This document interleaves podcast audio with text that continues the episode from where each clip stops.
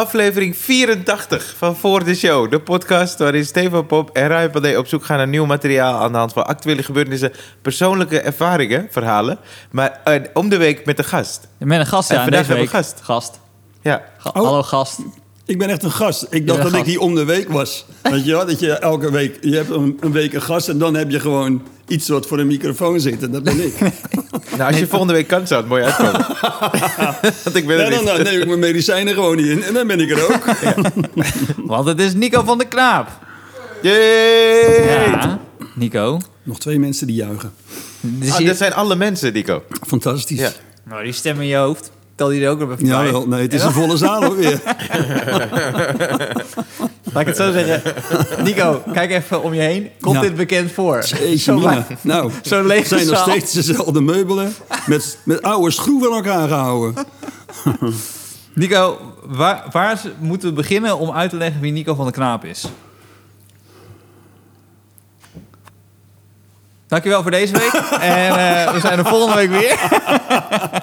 Ik wilde gewoon twee minuten stilte inlassen. ik dacht, we gaan een beetje kletsen, maar je gaat echt de diepte in meteen. Nee, Ja, maar ik- als we het diep hebben maar Het is gehad, meer, ja. meer, want er zijn luisteraars... Kijk, er zijn een paar luisteraars die Nico van de Knaap niet kennen. We denken van niet, maar Dus we moeten je een beetje neerzetten van... Oké, Ja. wat voor man hebben we hier te gast? ja. En daarna gaan we gewoon... eh, En dan beginnen mensen echt hun hele verleden uit te vroeten. Wel? Ik heb Ik voor ken jou- 26 oktober een eerste gesprek met een psychologe. Maar nee hoor, ik zit hier, ik heb die hele vrouw niet meer nodig. Ik kan dit- gewoon los nu, 50 minuten. Dat dit- is het. Moet ik betalen of krijg ik geld? Nee, dit is het voorgesprek. Dat doen we Oh, door mag. Ja, het is een intervention. dit is een interventie. hier, Maar ik heb daar niet zo'n, eh, zo, zo direct een antwoord op.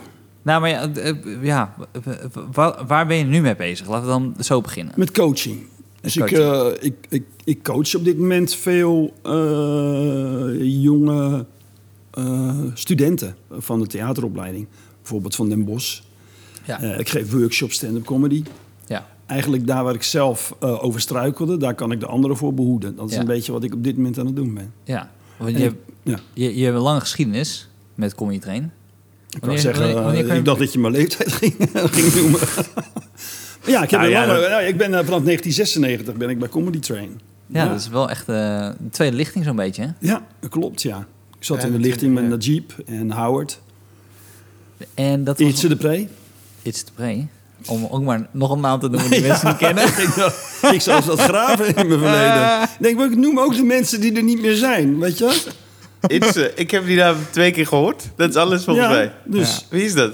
Kijk of je me een keer kan uitnodigen. Itse, Itse had... eh, die was denk ik de grootste comedian in postuur Ja, die we ooit hebben gehad. ja. En bij die- Comedy Train. Was dat die ene die met die trein naar Groningen... Ja, dat is hem. Oh. Ja, nee, er was nog eentje. Ook die Ja, Rob, eh, Rob, Nee, waren Ruben van. Gogh kwam ook uit Groningen. Ruben van Gogh. Ja, Dit is een dat naam die ik niet ken. Dat is een dichter. hij, is, hij is uiteindelijk het... eh, het, het eh, Criminele van Ja. Hij is Geest. uiteindelijk Moet je het dichter even geworden. En je hebt, eh, heet hij? eh, de, de, de, hij is nu directeur van eh, een gigantisch groot theater. Ah, is goed terechtgekomen. Ja, die is goed terechtgekomen. Hij heeft ook zijn, zijn, zijn namen uit de analen weten te krijgen. Dus eh, het is heel slim. Nou ja, je, je bent zelfs zijn naam vergeten. Dus. Dat komt heel goed als gedaan. ik er weer ben. Als, als, het zo meteen is afgelopen, dit gesprek, dan weten ze allemaal. Maar 1996, staat Toemler dan hier al? Of was dit Nee. Max Eeuwplein? Ja, was Max Euweplein, ja. Dat was echt net open toen. Ja. En je, je deed geen auditie in de club, hè? Je deed auditie voor uh, Raoul. Ja, maar en- dat deed je dan ergens uh, de open bak. Uh, uh, uh, en, Maar serieus, dan was het alleen voor Raoul. Raoul kwam dan ja, kijken? Raoul kwam kijken. Er is En eentje. Nee, ja, toch? Er was ja. geen publiek bij. Jawel, er was Oh, wel publiek. ja, Daar ging niet tussen Ja. zitten. Precies. Maar Ja, wel nee, dat, dat er een ik. spotje op hem stond natuurlijk. Weet je, dat je de hele tijd het idee had... Oh shit, er valt wat te verliezen. Maar Dus, dat eh, was al wel 1996. Het was al wel iets. Dus het, dat Ja. toch? Ja, zeker. dus zeker. je wist wel, je, je kan er geld mee gaan verdienen. Nou ja, ik, had, ik, ik zat op de Kleinkunstacademie en eh, daar werd al gezegd... waarom ga je niet eh, kijken bij de Comedy Train? Maar pas toen ik van eh, school af was, toen eh, ja, hoorde je er net wat meer over. En toen ging ik voor het eerst... Ik had een cabaretprogramma gemaakt. Ik dacht, nou, dan ga ik dat een beetje laten zien naar Roel. Maar die zei, ja, dat is cabaret. Dat is geen Ja. stand-up comedy. Dus toen eh, bleek er helemaal geen lijn in te hoeven zitten. Nou, dat is natuurlijk helemaal mijn métier. Weet je wel, weg met Toen die lijn. mis. Die lijn Oh, weg. je mag gewoon roepen wat je wil. Nou, toen ben ik in uh, allemaal doodsanctie heb ik er gewoon uitgegooid. En toen ineens zeiden ja, je bent aangenomen. Kom je uit Amsterdam? Nee, je komt uit Maasluis. Oké.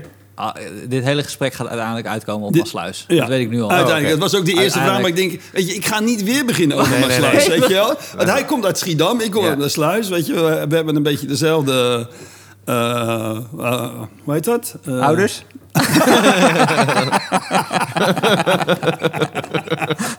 Oké, gooien we dat er ook meteen uit. Maar nee, ik wil, ik wil eigenlijk een beetje beginnen met... eh, eh, ik, Nico en ik kennen elkaar al heel lang. Ja. Echt heel lang. Ja, want ik stond hier te spelen en toen kwam er op een gegeven moment... Ja, een jongetje kwam onder de, onder de klapdeuren doorgelopen. Weet je, we zagen ook helemaal geen beweging in de klapdeuren. Er liep gewoon een jongetje onderdoor. Die was eh 15, je was 15. Ja. Er zijn een paar mensen die mij hebben gezien toen ik als 15-jarige hier binnenkwam. Ja. en. Nico is eh, een van die mensen. Ja, een van de twee die het gezien heeft. Nee, hij kwam binnen Hij en hij ging het doen. En het was echt, voor iemand van 15 was het, eh, was het best wel eh, een, Schattig. leuk. Ja, het was, het, was, het was leuk om te zien. Mhm. En je zag gewoon dat hij eh, heel veel zin had om eraan te beginnen, Stefan. Ja. Maar er werd wel ook direct gezegd, Stefan, kom over twee jaar maar terug. Dat was toen echt, eh, dat was echt een, een, een, een, een tijd ver in de toekomst, weet je wel, Ja. voor mij. Twee jaar. En toen ineens, trippel, trippel, na twee jaar kwam hij weer binnengelopen. Ja. Nou, trippel, trippel, je was wel wat groter geworden. Maar in die twee jaar had je niet opgetreden? Nou, Weinig. er is, er is toevallig een geschiedenis geweest met It's the Pre. Waar ik niet, eh, wat ik niet zal delen in een podcast. Oh. Waardoor Maar- ik eh, een tijdje niet in uh, Toenen ben geweest. Je kon niet meer Wacht lopen. even. Dat wil ik ook weten. Ja, dat kan niet. Over de doden niks dan goeds. Beste luisteraars, er niet- komt een aflevering van mij alleen... waarin ik dit allemaal vertel. Achter een betaalmuur, maar... Maar eh, daarna hebben we natuurlijk veel, veel samengewerkt bij, bij tv-programma's nog, zoals Dit als Nieuws. Ja. Ja, zeker. Eh, dus ik, ik ken Nico best wel goed. Nou, eigenlijk, ik dacht zo... Het is leuk dit. Ik hoef helemaal niks te vertellen. Hè? Nee, ik nee, maar ik dacht... Waarom ben ik hier naartoe gekomen? Het was superleuk geweest als jij gewoon was gaan vertellen over mij. Gewoon 50 minuten. Nee, heel, want veel, heel veel afleveringen met gasten waren die gasten er ook niet bij. ik spreek straks eh, de stem van Nico in. Nou, vertel, vertel. Ik eh, ben Nee, ik, wil, ik, wilde, want ik zat zo in de auto hier naartoe na te denken van... wat wil ik nou eh, graag van je horen? Welk verhaal lijkt me nou echt tof? Die me... En ik weet niet waarom me dit altijd is bijgebleven. Maar eh, jij hebt... Ik weet niet of het nou de hoofdrol was... of de grootste bijrol in een Duitse film. Ja, zeker. Nee, ik, het Ik was, wilde daar het was eigenlijk de kleinste bijrol. Natuurlijk. Was de kleinste Het bijrol? was de kleinste bijrol, maar het was wel een, eh, het was wel een rol, ja. Want dit was net na een toneelschool, toch? Je bent Ja. gewoon aan het zoeken naar wat je wil. In 1994, nee, ik, ja, dat is een goeie. Ik, ik heb ook nooit zo goed geweten wat ik nou wilde. Weet je wel, ik bedoel, wilde ik nou acteur worden of wilde ik nou eh, cabaret doen of danser? Nee. maar, Of gelukkig. Dat is de laatste optie. Ja, de laatste niet. Nee, nee. Maar eh, ja, ik was natuurlijk ingeschreven bij een castingbureau. Of één castingbureau. Ik, ik geloof dat ik bij alle castingbureaus wel ingeschreven stond. En toen op een gegeven moment werd ik gebeld. En eh, voor een Duitse film. En ik was de eerste die daar binnen liep. En ik spreek wel een beetje Duits. Eh, weet je, alleen al uit enthousiasme. Omdat ik heb heel veel geskiet. Weet je, daar pik je het een en ander op. Dus ik zei ook... Ah, glühwein! En die man dacht, die is binnen. En dat was een... eh, Kleinste bijrol voor hem. Maar... ehm, Tekst hebben we al. Moet hem alleen nog even kijken waar we plaatsen. Sorry. Eh, toen ehm, deed ik auditie en die, die man die was blijkbaar zo enthousiast dat hij zei: Nou, kom maar, kom maar meespelen. Wat Ja. voor film was het? Die beweegde man heette die film. Eh, en de regisseur was Seunke Wortman. Dat was wel een, eh, een hot crack. Zeker in die tijd. En die film was het ongenadig goed gedaan in de hele wereld, behalve in Nederland. Ehm, maar die heeft echt eh, een enorme recette opgeleverd. En er was een vriendin in Brazilië, die was daar au pair. En die stuurde mij een foto met mijn kop op een bus. Ja. Wat? Dus ik gewoon, ja, op zo'n bus die er voorbij kwam met zo'n Maar enorme hoe- reclame. hoe gro- je- het Ja, was geen is bijrol, rol? toch? Het was Ja, wel het, was, eh, het was een kleine rol. Nee, Maar je stond op een bus. Geloof ik. Ja, Ja, dat kan Je ik staat niet op, Ja, ja. staat niet Ja, helemaal Ja, een het, was, het, gaat, over- het, gaat over, het gaat over een aantal hoofdpersonen. En dat is dan een, een vriendje van een van de hoofdpersonen. Dus af en toe kwam ik voorbij. Ja. Je zet wel redelijk wat tekst ook. Nee, niet. En dat was Oh. wel goed ook. Want je moet, ik moest de vervoegingen wel goed doen. Dus Ja. dat deer, des, deem, deen, die, deer, deer, die. Dat is toch goed om dat allemaal een beetje uit je kop te leren. En ook te weten eh, wanneer je ze moet plaatsen. Maar was dit de eerste keer dat je eh, voor een film eh, iets deed? Ja, de- dat was de eerste keer. En daarna werd ik nog een keer gevraagd in Duitsland. Bij Auf Achse. Dat is een, eh, een of andere terreurfilm. Daar speelde ik eh, een boef. Ik zat ook de hele tijd te blowen. Maar ja, Ja. ik was een Nederlandse boef, weet Ja. je wel. Dus ja, dan zit je de hele tijd te blowen natuurlijk. En door, eh, Duitsers schreeuwen altijd en wij zitten altijd te blowen. Terwijl jongens, het is andersom! Maar hoe, hoe was het? Want ik heb... eh, eh, hoe heet hij ook alweer? Die... eh, is het Huub Stapel? Die vertelde dat in Duitsland... dat die acteurs daar echt gewoon in de watten worden gelegd. Ja, die zeker. behandeling daar, dat is heel, een heel groot verschil met Nederland. nee, dat is echt waar. Hier, hier is het zo. Oh, je acteur, waar kom je dan van rond? En daar is, je wordt met alle ega's behandeld. Ja. Dat is echt waar. Dus je hebt in twee films gespeeld. Twee Duit- Ja, Duitse films Twee Duitse gespeeld. films, ja.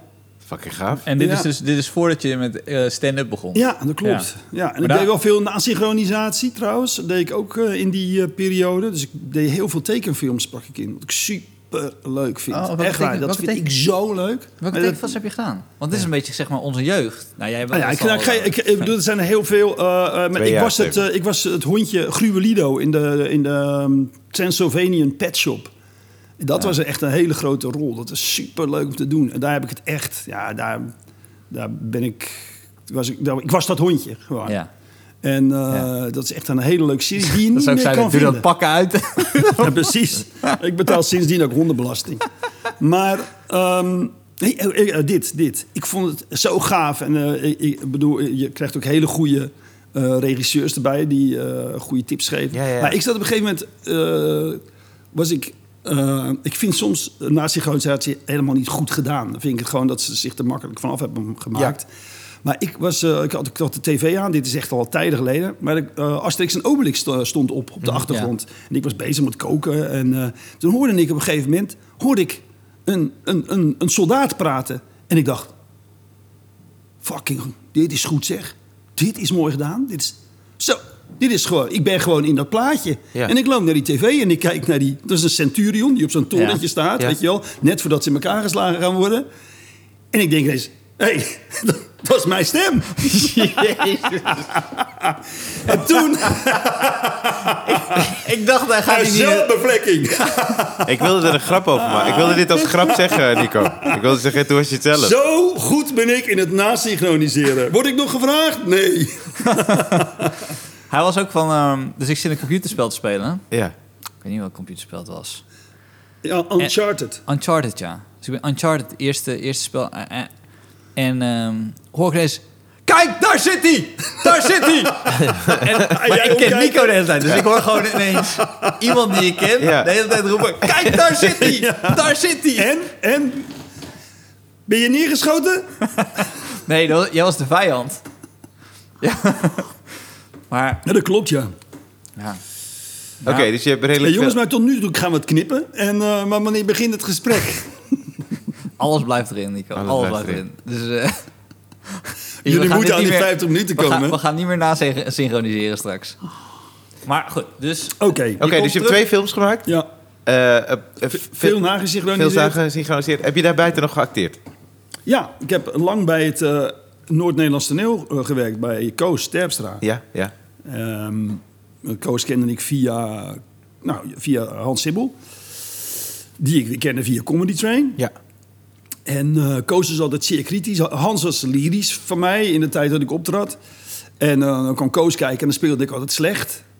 Totdat ik een keer zo waanzinnig goed speelde in, in Zeeland. Toen waren met z'n allen, Hans, daar was Koos ook. En ik speelde die zaal van 700 man echt plat. Met een Beatle-act. En die echt, die zaal, dat was alsof je op... Weet je, alsof je uh, op, op de toppen van, van een golf aan het surfen was. En die zaal die ging kapot gewoon. En toen liep ik af en zei Koos... Ja, ik wist wel dat je het kon. En dus dat was eigenlijk een beetje het begin van, uh, van uh, een vriendschap met Koos. En die uh, ging een stuk regisseren. de Lieutenant of Inishmore. eh, met veel bloed en geweld. En hij zei, daar moet je aan meedoen. En eh, dat was de eerste keer dat ik bij het NNT ging spelen. En dat heb ik, eh, ben, ik ben echt, ja, hoe lang? Vijf jaar gastacteur geweest bij hun. Oh. Ik heb echt ook in Groningen gewoond een tijdje. Ja, het was echt een toptijd. Ja, dus ik ben van alle markten thuis, maar ik heb er nooit ergens in gespecialiseerd. Dat is eh, enerzijds heel gaaf, omdat je, heel, eh, je Ja, bent heel heel breed, breed. georiënteerd. Maar Ja. aan de andere kant, die diepte, die mis ik wel. Het is nooit dat ik een, een duidelijke focus heb gehad. Nou, Nu nog niet. Maar ik vind het heel leuk om te coachen. Omdat wat ik hier geleerd heb op het toneel... Ja, weet je, dat is een- ik heb daar heel veel fouten gemaakt. Ik bedoel, ik was een comedians comedian. Tenminste, dat zeiden de comedians eh, altijd tegen mij. Eh, maar ik, ik, ik had al- altijd enorm veel angsten. En, en daar ging ik het dan over hebben, Ja. weet je wel. En dat, en dat, was bijzonder, omdat dan had iedereen zoiets van... Jezus, je ziet wel echt de gast op het toneel. Maar voor mij, ja, ik was altijd tegen heel veel angst aan het vechten. Maar ik kan bij een ander heel goed zien wat er technisch gebeurt. Ja. En wat hij voor een denkmal gebruikt. En daar, daar kan ik ervan overtuigen dat dat helemaal niet nodig is. Ik kan het echt technisch onderbouwen. Waardoor iemand veel rustiger een toneel op kan gaan. Of veel enthousiaster. Ik kan het ook... Alle rommel kan ik heel goed weggooien. Omdat ik gewoon heel goed zie, dit is niet nodig. Ja. En dat vind ik, dat vind ik ook echt heel erg leuk om te doen. heb, jij, heb jij Nico wel eens zien optreden? Ja. Eh, op het podium, ik denk elf jaar geleden of zo. Ja, kan. En, eh, en bij de roost van Jeep. Ja, die was super slecht. De roast van de Jeep was echt, dat was echt een van mijn dieptepunten. Maar de roast van uh, Arie Boomsma, dat was weer een van mijn hoogtepunten. Ik kan die van de Jeep niet meer herinneren. Bij Arie was ik er niet bij. Ja, Jij hebt Boomsma- me ooit verteld over die roost van Arie Boomsma. Ja. Ja Het was, ik, ik, ik, ik was de, de eerste die echt... Ik had zeven pagina's tekst geschreven. Dat was ook wel een beetje mijn beetje. Hè, dat, bedoel, het geloof, eh, daar ben ik in grootgebracht. Dat zit in mijn DNA. Ja. Dus daar kan ik echt superveel grappen over maken. En die... Ja, en ik had het allemaal geschreven. Ik heb heel goede eh, voorinformatie gekregen van het kantoor van Comedy Train. Dus ik kreeg allemaal interviews, die ga je lezen, dus daar kun je Ja, wat mee.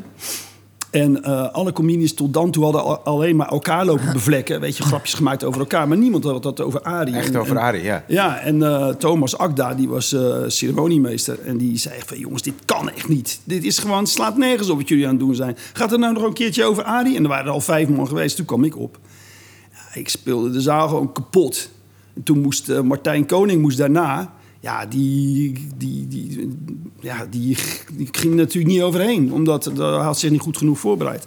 Maar toen bij Najib had hij zich waanzinnig goed voorbereid. En ik moest naar hem. Nou, het was voor mij dat was echt een zeepert, jongen. Dat, eh, dat neem ik nog met me mee. Maar dat is toch, dat, ik vind het eerlijk gezegd, vind ik dat een van de meest toffe dingen van stand-up. Dat je elkaar gewoon blijft uitdagen. Dat er ergens een soort van competitie is daaronder. Want ik, eh, ik heb dus Nico heel veel zien optreden. Ja. Eh, ik heb jou met je solo-show nog zien optreden in Vlaardingen. In, in Vlaardingen. Ja. Hoe, hoe Eh, heet die solo show? Jezus, Stampede heette dat Ja. soort. En, chloroform. Chloroform heb ik Ja. gezien. Oké. En dan had je een papegaai of zo. Ja, ja, klopt. Een, papegaai- een levende papegaai. Nee. er was, er was een vogelkooi en er zat een papegaai in volgens mij en die was dood. Ja, was dode papegaai. Ja. Ja. Dat was een stuk Ja. wat ik ook met Sander van op Zeeland had geschreven. Ja. Ja. Maar wat Nico dus kon, was inderdaad, als je zegt comedians, comedians. Het was, eh, voor de luisteraar die niet weet wat het is... Comedians vindt het dan heel grappig. En het publiek zit, zit hem dan aan te kijken van... waar de fuck zit ik naar te kijken? Ja. En dat was Nico. Het was als, als het publiek aanhaakte... Ja. met de comedians erbij... Ja. dan was het dan... Ja, dan kon je, maar dan kon je niet naspelen, want je wist niet wat er gebeurde. Nee, Eh, het was eenmalig. Dat ja. was het. En dat was bij mij steeds. Was, en dat, de vraag was... Oké, dat was niet mijn vraag. Ik ging op in volledige paniek en doodsangst. En ik, ik eh, sportte ook heel veel. Ik sportte echt vijf dagen in de week. Ik stond hier echt te springen tot aan het plafond. Ik kon zo hoog springen. Ik stond te kikken. Weet je wel, echt, eh, echt te trappen om me heen. En dat zag er waanzinnig uit. Nou, ondertussen was het ook gewoon... Ik moest al die spanning kwijt. Ja. Dus... Maar heb je dat nooit, nooit onder controle gekregen? Nou, ik, kan het, ik heb het nu onder controle als ik les geef. Ja. Weet je wel? Ja, dan kan ik het beter doseren. acteren want ik hoef niet meer. Ja, en bij acteren ook. Dat, daar heb ik die spanning. Want ik, daar kan je niks mee. Maar Ja. hoe was het toeren dan? Want als je zo'n programma... eh, dat- Die toeren door het hele land. Ja, dan deed ik hem ook wel vast. Want zo was het ook meer cabaret. Weet je, dat Ja. is dan... Ja, dan is, ben je allemaal je... Dan ben je je vaste... Ik kan me herinneren, had jij, eh, dan had je een stuk Ja. over eh, Adolf Hitler, die, geen, eh, die, die een grote poster had, weet je nog? Ja, ja, dat snorretje. Hoe, de, hoe hij aan zijn snorretje was gekomen. Hoe Adolf Hitler aan zijn snorretje kwam. Ja, En ehm, dan wilde je laten zien dat die poster echt heel groot was. ja. Echt heel groot, hè, Ryan? Echt heel groot. Nee, echt een hele zei- grote poster. Echt een hele grote poster. Dus dat zei hij tig keer. en, dan, eh, en dan zei hij elke keer tegen publiek... maar volgens mij hebben jullie niet het... eh, Je hebt voor mij geen beeld van Ja. hoe groot die poster is. Ja, en, dan, en dan liep Nico liep die naar buiten. ja. Dan, dan zei hij, zo groot was het, zo groot. En dan, en dan gooi je zo zeg maar de deur open... en dan hoorde je een stem buiten, hoorde je... Tot hier, zo groot! En als het zeg maar werkte, dan, dan was het hilarisch voor het Ja. publiek. Maar als het niet werkte, stond er was een hele lange trip terug. het toneel. maar, dan waren ze hier meestal aan het drinken. Weet je mensen waren hun jas aan het aantrekken. dan was de poster net iets te groot. Maar nam je die kans zeg maar mee terwijl je naar buiten liep? Dus zeg maar, als je dan buiten was en hij viel niet... Was dat dan extra kut? Of dacht je dan, nou, Ja, fuck it, dat dan was snappen eh, ze extra het niet. kut, ja. Ja, oké. Ja. Maar wat ik altijd eh, aan, eh, aan die studenten vertel is... je moet het verhaal vertellen alsof je het voor het eerst doet. Ja, Eh, en dan, want dan ben je er ook in. Dan ben je in dat verhaal. Anders dan ben je iets aan het, op, ja, dan ben je iets aan het oplepelen. Ja. En dat is helemaal niet interessant. En dan kan het nog steeds wel vaardig zijn. Ja. En het kan nog steeds wel aanslaan. Ja. Maar ik vind het ook een kunstje dan. ja. Terwijl als, als het wat kost, als het je het kan kosten... Dan wordt het wel veel spannender. Ik kijk liever naar een comedian die aan het vechten is... maar wel dat verhaal wil vertellen... dan iemand die denkt, ja, het is toch gesneden koek... en eh, ik weet waar mijn grapje zit. En en- dan deel ik nog een tikje uit. ja. Als het, als het eh, onverwachts is, vind ik het spannend. Ja, ja, ja, ik snap je. Maar heb je dat... eh, kijk, je, je komt uit een generatie met... Nou, je noemt net Najib. Ja, zijn jongens die ongekend veel succes hebben zeker. gevoeld. Ja, ja. Zijn ook allemaal jongens die wel zeiden tegen mij... waarom ga je dat niet doen? Weet je wel, Ja. waarom ben jij nog niet op het toneel? Ja, ik, ik weet niet. Ik, ik, ik durfde dat niet of zo. Of, of ik ben toch niet tot het gaatje gegaan. Weet je wel? Het, eh, en ik vond ook andere dingen leuk, weet je wel. Op het moment... Ik had, die drie, ik had drie theaterprogramma's eh, in totaal gemaakt. Eén met Sander en Jan-Jaap. Eh, we waren met z'n drieën bezig. Daar kwamen we heel snel achter dat het gewoon drie solo's moesten zijn. Eh, want we wilden het met z'n drieën doen, maar we waren... Je stond hier met z'n drie als een trio? ja, trio. Dus Sander, Oh, ja? had, Sander had heel veel teksten geschreven. Het heet eh, ehm, Van de Wal, van, de, van, de, van op Zeeland en van de Knaap. heet het. Ja. Er zijn ook drie vrachtwagenbedrijven. weet je wel.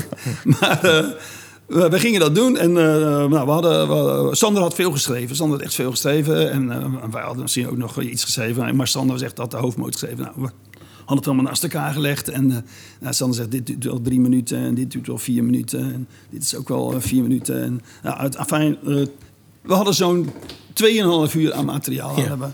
Dus eh, nou, dat eh, gingen we doen. Er zaten briljante dingen trouwens tussen. En eh, we gingen spelen in, in een kleine zaal in Gorkum. In het kleinste zaaltje. Het pand. Het pand. Het pand. Ja. Het Ja. pand. En eh, Hans Sibbel kwam kijken met zijn toenmalige vriendin. Want hij heeft echt meer vriendinnen gehad dan één hoor. Mensen, laat dat opgetekend zijn. En hij was daar met zijn toenmalige vriendin. En toen eh, gingen we spelen. En na 34 minuten waren we klaar. Ah, we zouden 1, uur en 10 minuten staan te spelen. Dit was echt briljant. En wij buigen, jongen. We hebben lang gebogen. oh, man, man, man. Maar het was echt zo'n lieve zaal. Ik weet, niet, misschien hebben we nog wat gestand-upt. Maar het kan ook zijn dat we gewoon na 34 minuten klaar waren. Dat je denkt, zo, dit was hem. Ik vind het wel grappig dat je het verhaal begon dat het beter was dat jullie allemaal solo gingen, maar dat jullie met z'n drieën nog geen 34 Ja, minuten. Maar het was wel echt heel grappig. En toen gingen we dus, eh, ja, gingen we allemaal, gingen we alle drie gewoon onze solo doen. En dat werkte wel. En eh, toen, het jaar erop ging ik met Jan Jaap. Dus dat deden we, deed, eh, deed ik daarvoor en eh, Jan Jaap daarna. En het jaar erop ging ik solo. in mijn eentje dus. En ja, ik, ja, ik, kwam, ik kwam constant weer, ik kwam mezelf zo tegen. Weet je wel? Ja. Ik werd, ik werd, ik, ik, ja, mensen vonden het leuk, weet je, maar ik dacht ook, Kijk, dat was dit. Als er, als, er, als, er, als er negen mensen waren die het naar hun zin hadden... en er was er één die, die, weet je wel, die zat met zijn mondhoeken naar beneden... dan dacht ik, ja, ja, ja, je hebt gelijk. Terwijl het helemaal niks zei over diegene met die, met die mondhoeken naar beneden. Nee. Weet je wel? Want ja, die kan gewoon in gedachten zijn. Of het heel erg naar zijn zin hebben, maar het gewoon, eh, weet ik veel, naar binnen laten werken. Of denken, Ja, ja, ik ja. lijk op die gast, dus mondhoeken naar beneden. Ja. Maar, snap je? Dit zegt helemaal niks. Maar al die, ik noem het dan de demonen in mijn hoofd, die er zorgden er zo voor dat een negatief zelfbeeld. Maar Ja, dan moet je dat- weer terug bij Maasluis. Ja. Maar eh, ja, psycholoog negatieve zelfbeeld, en dat, is, en dat is zo kloten. En daar werd ik mee geconfronteerd op het moment dat ik steeds op het toneel de comedian En dan was. ook tijdens aan het optreden zag je dat al en dan het, het kon- saboteerde de hele show. Ja, nou nee, het saboteerde de eerste tien minuten. En daarna Ja. was ik los. Dat is ook zo, weet je wel. Dan ben je gewoon door al je neuro of door, door je, Ah, al je ja. adrenaline wel heen. Ja. En dan kan je het bekijken. En dan soms werd ik volledig kalm. En soms dacht ik, oh, ik heb het gewoon niet onder controle. En dan, ja, of ik, ik kon echt in het moment zijn. Daarom was ik ook die comedians comedian. Ik kon het dan echt gewoon op het moment laten gebeuren. En dan waren het geen vaste teksten. Dan kon ik echt improviseren. Ja. En dan, ja, dan kreeg het vleugels. Alleen ik kreeg het niet onder controle. Dat is ook wat meerdere regisseurs tegen mij gezegd hebben. Weet je, het heeft ook geen nut om je te regisseren. Want je, op het moment dat je opgaat... dan kan je opeens al een andere eh, invalshoek nemen... of eh, een ander onderwerp pakken. Maar dat, Ja. de- veel mensen hebben die angst als ze in het openbaar moeten spreken. Weet je, dat, ze- dat ze gewoon, ze kunnen. We zijn gewoon als mensen een beetje bijna geconditioneerd om het negatieve eruit te pakken. Dus als, je, als er tien mensen voor ons hebben, dat we naar die ene kijken die het na- niet naar zijn zin heeft. Of geen zin heeft. Maar er kan zoveel aan de hand zijn met die persoon. Dat Ja. hij op dat punt, Het, op is die echt, avond... het slaat nergens op om dat allemaal al in te willen delen. Dat is ook wat ik steeds tegen mezelf zeg. Ga er neutraal in. Ook in welk gesprek dan ook. Heb geen oordeel. Niet een oordeel naar de ander toe, maar heb gewoon geen oordeel. Want je weet helemaal niks. Weet je, dat ontrolt zich wel. Ik, eh, het mooiste dat ik daarvan heb meegemaakt is een dubbel van eh, eh, de eerste try-out van Roe Evenveer en Murt Mossel. Ja. Een nieuw programma. En Murt die was als eerste. Hij speelt denk ik ongeveer een half... Hij moest drie kwartier spelen Ja. ongeveer. Hij speelde een half uur en op een gegeven moment... Ah, bijna, twintig minuten ongeveer was denk ik. En toen zei hij tegen... Zei, ja, sorry hoor, maar er zit hier een jongen vooraan. Jij zit de hele tijd zuur naar mij te kijken. Met je armen over elkaar. Wat is er aan de hand? Zei die jongen, nee, nee, laat me. Nee, niks laat me, want ik- je zit hier vooraan. Je kijkt zo naar me. Wat is er? En toen zei die gast... Iemand op mijn werk heeft vandaag zelfmoord gepleegd. En toen was het zo even stil. En toen zei Murt, maar je bent niet meer op je werk, toch? en toen zei hij, maar je bent toch hier naartoe gekomen vanavond. Ja. Dus je hebt besloten, ik wil hier toch naartoe. Dan moet je je mind ook proberen te verzetten, hoe vervelend het ook is. Want als je zo naar mij Oh. kijkt, wil ik ook dood. en toen was die hele zaal los. En toen begon die gast te lachen. Oh, Dat is wel echt heel knap, Dat is wel hoor. heel vet. Dat was heel, en Murt legde hoe je het begon, Ja, weet we, ik, hij, ja. ging, hij gaat de verkeerde kant Dat op. dacht ik ook. Er valt nog een dode. Ja, maar vervolgens legde Murt ook uit op het... Dat was fantastisch, maar dat Ja, is dan mooi. weer in het moment. Hij legde uit hoe het in zijn hoofd werkte. Want hij had een ding over panda's, geloof ik. Zei, Ja. Kijk, hier in mijn hoofd zijn nu die panda's bezig. Maar jij zit hier. Dit gedeelte neem je in. En hoe langer die show doet, hoe groter het gedeelte in mijn hoofd is. Mooi. Ja. Dat was heel vet, hoor. Dat was echt fantastisch. Ah, ik, heb, ik heb dus ook de, Nou, zo'n verhaal ik- had ik dus niet.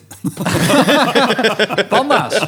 Waarom heb ik geen Natuurlijk, maar panda's? heb ik daar mijn- mijn- mijn focus niet op gelegd. ik had dit gewoon 16 jaar geleden al kunnen vertellen.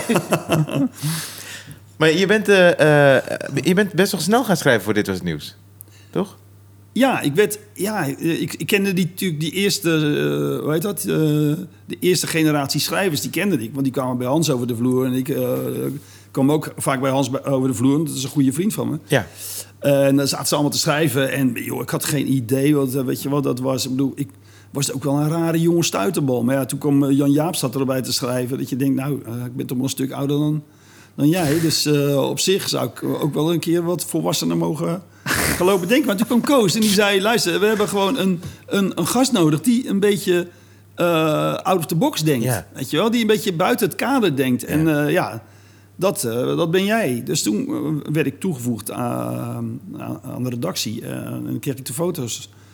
Eh, Ja, jij, kwam eigenlijk bij eh, toen ik bij de redactie kwam, toch? Ik denk het wel. Zo ongeveer, ja. Ja, ik denk het wel. Wat is dat? 98 of zo? 99? Nee man, dan was ik 13. Oh, sorry. dat is, ik ben wel vroeg begonnen, Maar maar, het is wel, als ik eh, 13... Het is wel echt, eh, ik zit er al, het is mijn negentiende jaar. Ik zit al 19 jaar eh, dat zou op die fotoredactie. Ja, maar ik ben eh, helaas ook al best wel lang bezig. Ja, dat is ook zo. Was heel lang 15. Maar, een- Maar- dat, dat met die... Met, met, met, nee, want eh, jij kwam bij met de foto. Misschien heb je daarvoor Het was nog ook, wat ik was ook de aanjager, hè? dat is wat Koos ook zei. Ik wil graag dat je komt en ik wil dat je de boel... eh, eh, rond half vier is die redactie meur en dan hebben ze geen nieuwe ideeën meer. En dan wil ik dat jij komt en dat je alles even ontregelt. Eh, kom erop met al je ideeën en je gekke verhalen. Oh, dus jij Eh, kwam later de redactie Dan kwam ik later, want Ja. dan was iedereen weer even van... hé, hey, er is Nico. Eh, een goed eh, idee. eh, Ja. ja. Slim. En, eh, en dat werkte ook. Eh, want ja, ik riep gewoon andere dingen bij de onderwerpen. En dan opeens dan werd iedereen weer wakker. Dat is Ja. hetzelfde als dat Stefan eh, eh, en ik de foto's kijken. Ik kijk naar een foto en ik denk, ja, die foto is gewoon dood. En dan zegt Stefan ineens iets. En dan denk ik, oh ja, nou, wat geestig. En dan, oh ja, nee, maar dan is het dit ook. Ja. En dan zitten we te lachen. Ah. En dan heb je ineens een grap. En dat, is, Maar- en dat werkt zo weer. zo aan, een soort vliegwiel. Maar. Nico, dat, was, waren echt wel. Kijk, dat, dat waren echt wel de leukste middagen Zeker. Die ik kan bedenken qua, qua werk. Ja. Was dan. eh, dus we deden. eh, dit was Niels. eh, een redactievergadering was altijd bij mij thuis. ja. Ehm, ik, heb, eh, ik had gewoon de beste vloer ervoor. Ja, hij had een waanzinnige goede vloer. Die had hij laten leggen door iemand die daarvoor nog nooit vloer had gelegd. en misschien daarna ook nooit meer. Maar het was zo dat richting zijn keuken had je een skihelling. Dat was, dat was, dat was echt te gek, weet je wel. En Nico. Als hij de ramen open liet staan in de winter, dan kon je gewoon je latten meenemen. Maar, eh, maar dan, ja, vertel. Dus dan, dan ging Nico eh, eh, koffie halen in mijn keuken. Dan vertelde hij iets over mijn vloer. Ja. En dan gingen we zitten. Ja. En dan gingen we foto's doen. En foto's, eh, zeker in die tijd, want ik weet niet wat, waarom de trend nu is dat er minder goede Ja. foto's in de krant staan, maar dat is echt zo. ja, Want ze zijn te duur. ze zijn te duur geworden. De, Ja. de foto's zijn te duur. Dus bijvoorbeeld de foto's van Reuters, die staan niet meer in de dagbladen. Nee. Oh. Omdat, ja, eh, voor vijf mooie foto's kan je ook een personeelslid betalen. Ja. En ik denk dat dat hun afweging is. Er staan nu alleen maar kiekjes in van, ik denk degene die het interview doet, die dan ook nog even zijn, Ja. zijn camera tevoorschijn pakt en even klik, Ja. een foto van een halve deurpost en een, eh, en een wiel van een Volvo eh, fotografeert. en dat zetten ze dan in de krant. Daar schamen ze zich nergens meer voor. Nee. En dan gaat het artikel gaat over de, de geldontwaarding, bij wijze van spreken. Maar we hebben een foto van een eh, halve Volvo-band. maar goed, dan, eh, die foto's waren echt mooi. Dus had Nico had Ja. dan alle foto's uitgeknipt. Ja. En dit is dan hoe het ging. Dan eh, ging Ni- Nico aan de kop van de tafel zitten. Eh, en Kees, eh, Kees van Amstel, ik en Cindy Pietersen zaten dan aan tafel. En dan eh, hield Nico de foto voor. En eh, met, met volle overtuiging gooide hij altijd die De eerste erin. slechtste grap gooide ik er meteen uit. Ja, Ja. ja. Het was dan niks. Dat was dan... Nou, het kon van alles zijn. En dan gingen we gewoon, denk ik, anderhalf uur, twee uur... gingen we schieten op foto's. Ja. Alleen maar gewoon wat ons te binnen schoot. Ja. En ook veel te ver, weet je. Echt, van, echt dat- Ja, ja, echt over het betamelijke heen. Maar ja, Ja. je moet daar ook, je moet Ja. ook in het zwarte gebied Ja, terechtkomen. ja, om daar weer een hele mooie, heldere foto over te maken. Want soms kan een verwijzing naar iets, net iets aanzetten Ja. bij die Ja. ander. Waardoor je op een hele mooie, slimme gedachte Ja. komt. Maar wat je net uitlegde, dat was ook een beetje eh, waarom Koos dan zei... kom tegen half Ja, vier. kom tegen half En dan, vier. gooi je, dan- breek je het open. Ja, Ja. En dat gebeurde dan ook als we de eerste doorloop deden. En dat was dan, ik kwam wel eerder, ik was er al een uur of drie. Want dan, eh, dan, dan, dan, dan, dan was die redactie was net in rusten. En om half vijf hadden we dan de eerste doorloop. En daar ging ik ook, daar mocht ik ook volledig losgaan op alle onderwerpen die dan voorbij kwamen. Ik kende ze niet. Dus Nee. ik kon er met een frisse blik naar kijken. En, het, Ah. en het, gaf de, het gaf de anderen, het gaf de, de redactieleden opeens een hele nieuwe kijk op de zaak. Ja. Dus een beetje hetzelfde als wat er gebeurde aan de tafel bij Stefan. Stefan Thijs. Eh, maar de- want dan was ik in feite de redactie voor de foto's. Maar ik was dan een beetje mm, klaar en mur. En dan Ja, ja, ja. eh, kwamen zij met een frisse blik daarop. En dat werkt zo goed, jongen. Ja. Het leuke is echt waar. Het allerleukste is met andere mensen eh, werken aan een programma. Want dat is, nou- dat is ook het nadeel van stand-up comedy. Dat je het allemaal in je eentje moet doen. Tenminste, voor mij. Ja. Ik vind het heel leuk als je... Ik vond het ontzettend leuk om met Sander van op Zeeland te brainstormen. Weet je, en dan kon je, konden we zo verschrikkelijk zitten lachen. En met Sibyl helemaal. We zetten Sibyl en mij eh, achter de microfoon en we gaan los. En dat, dat, dat heb ik met weinig andere mensen. Dat is gewoon omdat, dat weet ik niet, dat zijn vibes die je dan hebt. Je had we hadden dan eh, een, een, eind, een eindgrap altijd, als we niet uitkwamen. Eh, ik weet niet waarom dit altijd was. St- stokje in de poepertman. Ja, stokje in de voer. Nou, dit heb ik één keer gedaan hier. Dat mensen echt zaten te kijken. Van. Voor mij was het volledig logisch dat we, we zijn zo ontaarden, zei ik. Weet je wel, mensen hebben, hebben alleen maar het idee dat ze rechten hebben en dat de plichten bij anderen liggen. Het is tijd dat er iemand komt die weer daar moraal in brengt. En ik bedoel, ik dacht altijd, kijk, ik heb heel veel superhelden eh, strips gelezen. Maar laat er nou eens eentje zijn die jou pijn kan doen, die jou kan straffen. Eh, weet je, die, die komt aangevlogen. En dan heeft hij, is het een piketpaaltje, is het een lantaarnpaal? Nee, het is stokje in de poepert, man. En dat je dan gewoon, als jij iets fout doet, dat je dan een stokje in je poepert krijgt. Nou, de mensen zaten hier te kijken en weet je, wel, je zag zo'n zo'n bosje tumbleweed voorbij waaien zo. Die ook een Nou, denk, als de luisteraar nu om zich heen kijkt, dan zien ze het ook.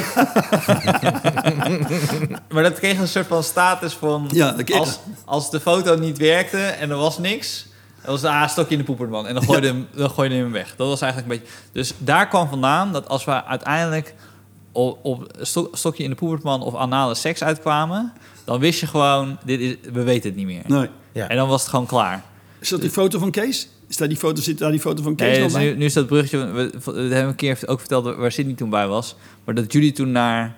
ehm, Dit was nieuws. dit was nieuws gingen. En dat is dus de hele reden dat Cindy... Oh, sorry, de wereld draait door. Oh, zo- ja, Excuses. de wereld Draait door. Dat jullie bij de wereld Draait door zaten. En toen kreeg Cindy een foto waarbij ze niet wist wat ze moest zeggen. En dat zij zei eh, iets met anale seks. Dat is wat ze zei. En dat, Matthijs, dat is gewoon... Een miljoen mensen kijken hiernaar. En een, een vrouw zegt ineens eh, iets met anale seks. Maar uit het niks, hè? Dus, maar dat was eigenlijk ons eindpunt. Ja. Maar ze zat gewoon in een stress. Dus zij dacht, oh weet je wat? Ik roep wat we, wat Ik we roep wat we normaal ook altijd, doen. altijd doen, doen. als we het echt niet meer weten. Ja. Want ze, dus ze was geconditioneerd Ja. om te zeggen iets met anale seks op nationale tv. Waarna Mat- Matthijs van Nieuwkerk dus keek van, hè? Maar die uitleg van hoe dat zo ontsta- waarom dat was, bij deze. Ik weet, niet, gaat dit nooit meer recht trekken? Eh, Niet dat ze nog als tafeldame gaat worden gevraagd. Dat Matthijs, dat Eh, Matthijs zelfs nu, niet als we een teletijdmachine hebben. Maar dit is wel de uitleg. dat Ja. Matthijs ook luistert nu denkt... Oh, fucking Oh, funny. ach, ja, Oh. oké. nou, dan hang ik de foto weer terug in de ja, kamer. dan kan ze mee naar Frankrijk. Chanson. Dance in the old-fashioned way. Iedereen kan het. Maar dat vertrouwen heb je dus wel meer als je met een groep werkt. Zeker. Dus en als- helemaal als ik niet op het toneel hoef te staan. Maar ik vind het heel leuk om wel gewoon Ja. eh, eh, eh, voor die groep te staan. En dan ook wel theatraal te worden, weet je wel. Of gewoon mezelf te zijn. Maar dan hoef ik me niet te bewijzen. Want daar heeft het natuurlijk mee te maken dat je jezelf wil bewijzen. Nou ja, ik laat, kijk, ik laat je helemaal vrij, maar je hebt twee keer mijn sluis gezegd. Ik denk dat, dat mensen zich gewoon vormen eh, gedurende hun leven. Maar je, ja. Ik kan- dus ik, ik denk niet dat we twee keer mijn sluis kunnen zeggen en dan dat Oh. mensen kunnen snappen, oké. Of wil je het wel gewoon bij mijn sluis houden?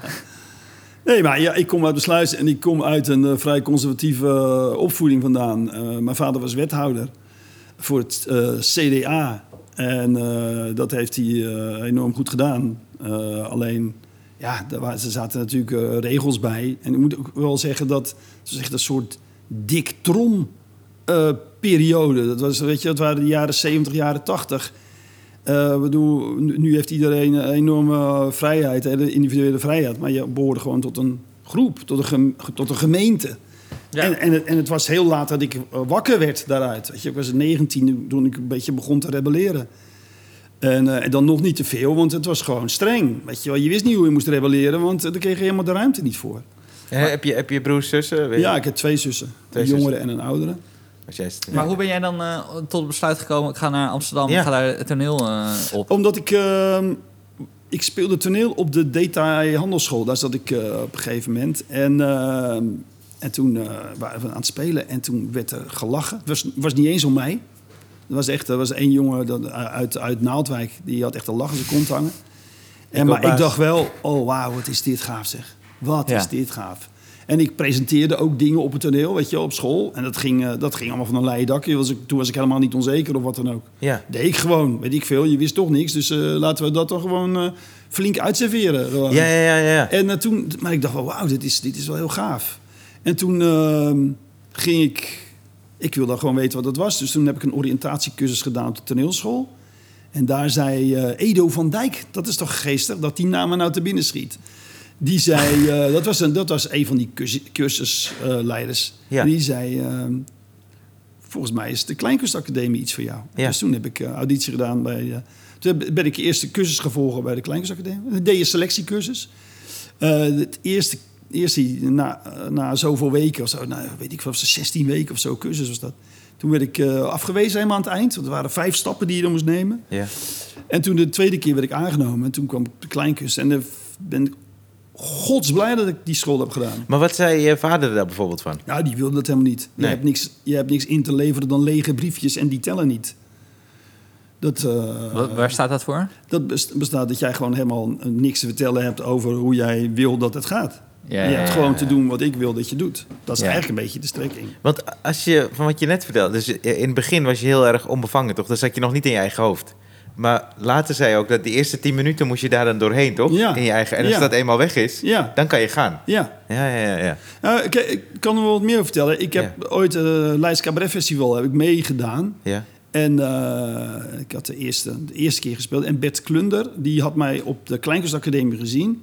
En dan, eh, Iets van die- een open bak, toch? Nee, ja, Nee, nee, hij is de regisseur van. Brigitte Kaandorp geweest. Hij is helaas overleden. Ja. Oh, Eh, veel en veel te vroeg. Dat is een schat van een man. En die had mij gezien eh, op de, kleinkunst. Ik was toen met Paul de Munnik. Paul was aan het piano spelen. Ik zat boven die piano en ik riep allemaal weirde teksten. En hij keek naar mij en zei... Met jou wil ik een keer een programma maken. En hij ging daarna naar een toneelvoorstelling in de school. En kwam, eh, anderhalf uur later kwam hij terug. En toen zaten wij nog steeds de klootzakken op, dat, eh, op die piano. En nog steeds weirde teksten te doen. En toen riep eh, zei hij weer tegen mij... Met jou wil ik een keer een programma maken. Ja. Dus hebben we samen hebben we dat gedaan in mijn examenjaar. En dat was superleuk. En het ging alleen maar over de thuissituatie. En Bert zei, vertel eens. Ja, over thuis. Ja, over ja. thuis. En Bert zei, vertel eens wat over je, eh, over je thuis. Nou, dus ik vertellen. En, eh, en hij alleen maar lachen. Want ik had natuurlijk relativering had ik tot mijn, mijn verdedigingsmechanisme gemaakt. Ja. Eh, want ik kon er niet echt over praten. Je kon het wel vertellen, maar dat was zo eh, eh, ehm, kil en, en, en, en, en liefdeloos. Dat ik, weet je, ik had gewoon, ik had de grap gevonden en, en daar hield ik me aan vast. Eh, en dus Ja. ik kon daar enorm veel grap over maken. Dus hij lag, eh, het was echt een super leuke tijd dat we die aantal brainstormen die we hadden. En toen had ik dat programma gemaakt en eh, gespeeld op school. En daarna ging ik eh, met dat programma ging ik, eh, meedoen aan het Leids. Dus ik speelde de eerste keer en ik speelde, wat ik zei over die golven, op, op de toppen van golven, alsof je aan het surfen bent. Dat ervoer ik daar voor het eerst. Ja. Op de Kleinkunstacademie, dan, dan, dan ga je nog niet spelen in het openbaar. Ik weet niet hoe dat tegenwoordig is, maar de directeur die, die, die, die, die had zich, had zich op het... ehm, ehm, hoe noem je dat? Die, die had zich voorgenomen om de spelers pas te laten spelen op het moment Ja, ja. dat ze een diploma hebben. Ja. Dus nou, toen speelde ik daar in die zaal. En eh was waanzinnig. En toen gingen we op voor de halve finale. Weet je, of je er doorging of niet. Nou, dat was radio en ik eh, bleef heel lang bleef die man met mij praten. Dat was echt, ik denk, shit, weet je wel. Ik kreeg een telegram van mijn moeder. Een telegram, die had je nog in die tijd. Weet je, wat, aan- eh, gebracht door een Ja. cowboy op een paard. En, eh, Nu is maar een app. In ieder geval. maar ik kreeg, een, eh, ik kreeg een telegram waarin die zei... Nico, stop, stop. Stop. Nee hoor, dit is niet waar. Ik kreeg een hele lieve... Maar ik kreeg een hele lieve, weet je, echt wel aardige... aardige maar ja, daar zat zoveel spanning achter. Daar Ja. zat zoveel spanning uit het verleden achter. Ik, vond het eigenlijk alsof iemand op een stoel ging zitten... Ja. die ik helemaal zelf had gebouwd. En weer, die stoel had ik helemaal zelfstandig gebouwd. En dan kwamen die mensen waar ik nou juist die stoel niet voor had gebouwd... die gingen daar weer op zitten. En dat, dat viel als een soort ja, grote zwarte golf over me heen. En ik ga dat toneel op. En ik heb, die zaal heeft 500 stoelen, die zaten allemaal vol. En ik heb mijn ouders in 250 fout in die zaal zitten, zien zitten. De, de, Being John Malkovich, de poster van Being John Malkovich, dat was, maar dan met mijn ouders. Dus ja, dat ging niet. En ja, dat heb ik, zo heb ik het heel vaak ervaren. Het is zo belangrijk dat je ouders dat je een liefdevolle band hebt met je ouders, of dus vooral met je moeder, daar, daar heeft het natuurlijk helemaal mee te maken. Dat, je, dat, dat die er eh, onvoorwaardelijk voor je zijn. Dat, heb ik nooit ervaren. Maar die, maar die telegram, Ja, ja dat is lief. Ja, Ja. Het is ook heel moeilijk. Het is, Precies. Het is zo... Het Dubbel. is, het, is, ja, het is ook niet zwart-wit. Nee. Zijn, eh, ik had mijn reclameleraar op de Detaillerschool. Die zei, je hebt zwart wit en de ontelbare grijze. Ja. En het moeilijke is dat de moeder kan hebben gedacht dat ze volledig wit eh, eh, acteerde. Ja. En, en eh, ik kan het als volledig, eh, ik heb het als volledig zwart ervaren. Ja. Of, of Ja. in ieder geval een van de grijstinten en die kwamen niet overeen. Dus dat is heel moeilijk. Het was een hele veel eisende moeder die ik had. En, en je werd niet vrijgelaten in een keuze. Ja. Ze kon niet gewoon zeggen, wat je doet is goed. We houden van je. Dat is het kader. Dat was er niet. Het was... Het was voor, je moest aan allerlei voorwaarden Ja, voldoen. de hele moet je aan voldoen en dan Vanaf van je. je allereerste jeugd. En dat vormt je. Dus ik ben dat creatieve jongetje waarschijnlijk al heel vroeg geweest. Ja. Alleen, ik moest in een mal waarin ik krom groeide. Weet je wel? Als je dat Dus- nu herkent bij eh, jongens en meiden die je nu coacht, Ja, zie zeker. je dat dan snel? Zeker, meteen. Ja. Ja, echt. Ik Wat- kan dit echt heel goed. Ik, eh, dat is gewoon zo. Ik heb het ook van meerdere, eh, eh, hoe heet dat? Eh, leraren gehoord en directeuren van... Je, je, er is gewoon een wisselwerking tussen jou en de student. Ja, maar stel, er is een student, die zie je rondlopen, die komt uit eenzelfde soort achtergrond, waar, nou, of een achtergrond waar- waarbij de ouders voelen dit, ik wil niet dat mijn kind dit gaat doen. Of, dus die, die- je voelt daar frictie. Ja, Hoe ga jij dan het gesprek aan? Hoe denk jij dan, stel, hoe zou je, als je nu tegen Nico van der Knaap eh, van 21 weer voor je hebt, of eh, 23 wat je toen was, eh, wat zou je dan nu proberen om hem die richting. Nee, maar ik ga geen richting. Ik ga meer eh, eh, um, de ruimte, eh, hem of haar de ruimte bieden om te vertellen eh, waar, ze van, waar zij of hij vandaan komt. Ja. Want het heeft geen nut om, om, om, om daar een richting aan te geven. Die richting moet die persoon zelf vinden. Alleen het helpt wel om het te uiten. Ook om daar misschien een eerste voorzichtige grap over te maken als het nog niet kunt. Ja, ja, ja. Maar wat je net zei, dat is ook wel misschien een beetje wat jouw karakter eh, eh, ook zo tof maakt. Is dat je dus bij Dit Was Het Nieuws wordt je gevraagd om de creativiteit aan te zwengelen. Ja. Maar ik heb ook begrepen dat je dat dus doet met mensen met wie je werkt. Ja. Jij zwengelt dan de creativiteit Ja, aan. dat is wat ik doe. Ja. Dus dat is echt wel een kracht die je hebt. Ja. ja dat is heel tof. En het rare is dat het heeft hiermee te maken. Dan is mijn vertrouwen er. Eh, Als bijvoorbeeld iemand vraagt. Ruud Smulders die heeft me gevraagd om een keer samen door zijn materiaal heen te lopen. Ja. Dat hebben we nu eh, eh, afgelopen week gedaan. En die is helemaal, ja, die is helemaal blij. En die vindt het ontzettend leuk. Hij zegt, we gaan het na de vakantie, eh, gaan we het weer doen. Ja. En, dat- en met Andries Tunru, eh Toenroe, Andries Toenroe, daar, daar werk ik al meerdere programma's mee. Daar zijn we constant aan het schieten. En dan hoef ik niet onzeker te zijn of wat ook, want er is vertrouwen. Zodra ik vertrouwen heb, Ja, ja, ja. is het gewoon klaar. Dan mag ik mezelf zijn. Ja, ja, ja. Maar ik moet constant, ik heb constant het idee, ik moet eerst jullie vertrouwen winnen. En dat is een, eh, dat is het. Nou, ik heb, eh, de dat blokkeert. Ja, Kijk, ja, ja. Dat is de, wat de blokkade Ja, ik heb- eigenlijk ja, ja. behelst. ik heb meerdere Ja. programma's met je gedaan, ook tv-programma's. En waar jij, want we hebben een soort een soortgelijk iets gedaan bij een ander tv-programma. Hoef niet te zeggen welke dat was. Maar Luister naar mijn aflevering. nee, die we dit toen met Endemol deden. Met die. eh, oh, misschien is dat wel leuk, om een keer te vertellen. Hoe we dat, hoe- we dat ding hadden met dat eh, Zwarte Piet gebeuren. Oh ja, dat was, eh, Dat was lelijk, jongen.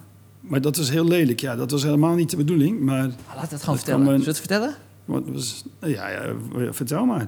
Dus eh, eh, we werden gevraagd om een programma te maken waarbij, we, eh, waarbij ze een week vooruit of achteruit gingen kijken. Ik weet niet meer, vooruit toch? Ja, Misschien- Ik weet, de week vooruit heette het of zo.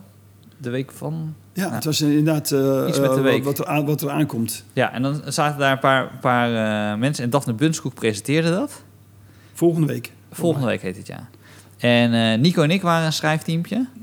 Ja, En, eh, Kees. en Kees en Tex waren een eh, schrijfteampje. We hadden, we hadden ons verdeeld. We hadden het tweede gedeelte van de show en zij hadden het eerste gedeelte van de show. En eh, weet je nog dat wij toen die, dat wij twee die doorloop gingen kijken? En toen maakte Daphne Bunskoek eh, de grap van... oh, laten we kijken naar beelden van Sinterklaasjournaal. En had ze dan versneden met Amistad. Beelden van Amistad. Oh. En dat was het punt wat ze wilden maken. In ieder geval, dat was wat ze probeerden. De grap te maken dat de slavernij erin werd verweven. En Ja, ja, ja. in your face, zeg Ja, maar. ja, ja. Van dat het duidelijk is dat het, eigenlijk- dat het, eh, dat het niet meer past bij deze Ja, tijd. nee, dat was precies. eigenlijk Dat de was de gedachte. Dat was de gedachte, ja. Maar ik weet nog wel dat, dat wij twee zaten te kijken. En wij hadden namelijk... eh wij hadden de tweede helft geschreven. Dus wij, wij, Wij zagen zaten bij te de- kijken naar zaten dat wat de anderen hadden gemaakt. En ik weet nog dat ik eh, terugliep met eh Daphne. En toen zei ik tegen Daphne van... eh, nou, ik weet niet of jij nog een eh slavernij eh, documentaire gaat maken. Want die had ze net Die had gemaakt. ze gemaakt, ja. Met Roeto. Maar goed, weet je, dit was een half uur voordat we gingen opnemen. Dan denk ik, nou ja, ik ben al lang blij dat dat is. Ja. Let's go. En toen hebben we een portie kritiek gehad, jongen. Ja. Oei, oei, oei, Dus het, het werkt het, nee, van, eh, van, van, van de, de, de kijker. Ja, Oh, ja. Ja, ik weet niet waar... Ik, maar ik snap tot de dag van vandaag snap ik niet precies... waarom die grap eh, op de andere manier was geïnterpreteerd. Ja, hij Want werd eigenlijk- omgedraaid. Hij werd omgedraaid alsof, het, alsof we het belachelijk aan het maken werden. Ja. Maar, maar het was juist Ja, dat je wilde laten zien van... wat je wilde laten zien, ja. Dit is gewoon niet meer Weet je, dit hoort niet meer. dit is gewoon klaar. Ja, maar dat was echt, eh, dat ging Nee. totaal mis. Ja. En eh, toen is de stekker er ook uitgetrokken de week erop. Ja. oh wauw. Ja, ja. En hoe heet het programma volgende week? volgende week. Ja. Oké. Nooit meer heet het. Meer. Daarom heet het ook volgende week. het is er niet. Oh. Toen had ik nog dat idee met die, eh, waar uiteindelijk een scène van Clickbait op gebaseerd is, waar jij ook in zat. Eh, dat, dat Alex die uh, Koekroes Clan, eh, dat Koekroes Ja, Clan ja, ja, ja, ja, ja. Dus ik had het bedacht voor dat programma, omdat er zoveel kritiek was geweest, dat de jongens aan tafel dan mochten zeggen van, hey, we hebben die grap niet geschreven, onze tekstschrijver heeft dit geschreven. Ja. Die moet je ontslaan. Ja. En dan zou Daphne zeggen, waar is die tekstschrijver? Je bent bij deze ontslagen. En dan zou iemand in een koekboek Oh. zitten en zeggen, nou ja, waar slaat dit nou? ik werk hier al... Ik, eh, ben ik eens een keer genuanceerd? En nog, nog niet goed. En dan zou hij weggaan. En dan, en dan zou Daphne zeggen... Nou, deze grap vind ik ook niet kunnen. Wie heeft deze grap met die Koekoes geschreven? Ah, en zou iemand in een nazi-pak zitten van... Nou ja, er is toch niks mis mee. Dat is de hele pointe van de grap. Dat hij in een Koekoes pak zit. Je bent ook ontslagen. En dat, Ja, dat was dan de grap. Heel funny. Maar eh, dat durfde ze niet. En eh, Dat is een beetje Engelse humor. ja. Het zou Ja. in Engeland eerder durft. Welke comedians vind je heel goed? Toen je begon ook, eh, waren er veel. Ja, Jezus, eh, sorry. Ehm, Jezus. Ehm Jezus was wel Ja, goed, ja. De eerste goede 19 jaar was het... En, eh, Jezus, Jezus, Jezus. Alles wat die gast deed was... Daar heb ik ook heel veel over verteld hoor, op toneel. Ehm, even kijken, maar ja, dat, dat is materiaal van een ander, dus dat, eh, dat werkt niet. Ehm ik schiet me nou niet zo snel te binnen. Sorry. Nee, maar niet. Ik weet dat jij die... eh, was Jan. Jaap, Jan Jaap hadden we. Ja, heet die bedoel ik nou. En eh, Dennis Leary vond ik natuurlijk eh, vond ik heel gaaf om te horen. Maar ja, die had, eh, die had over jatwerk gesproken. Die had weer heel veel gejat van Bill Hicks.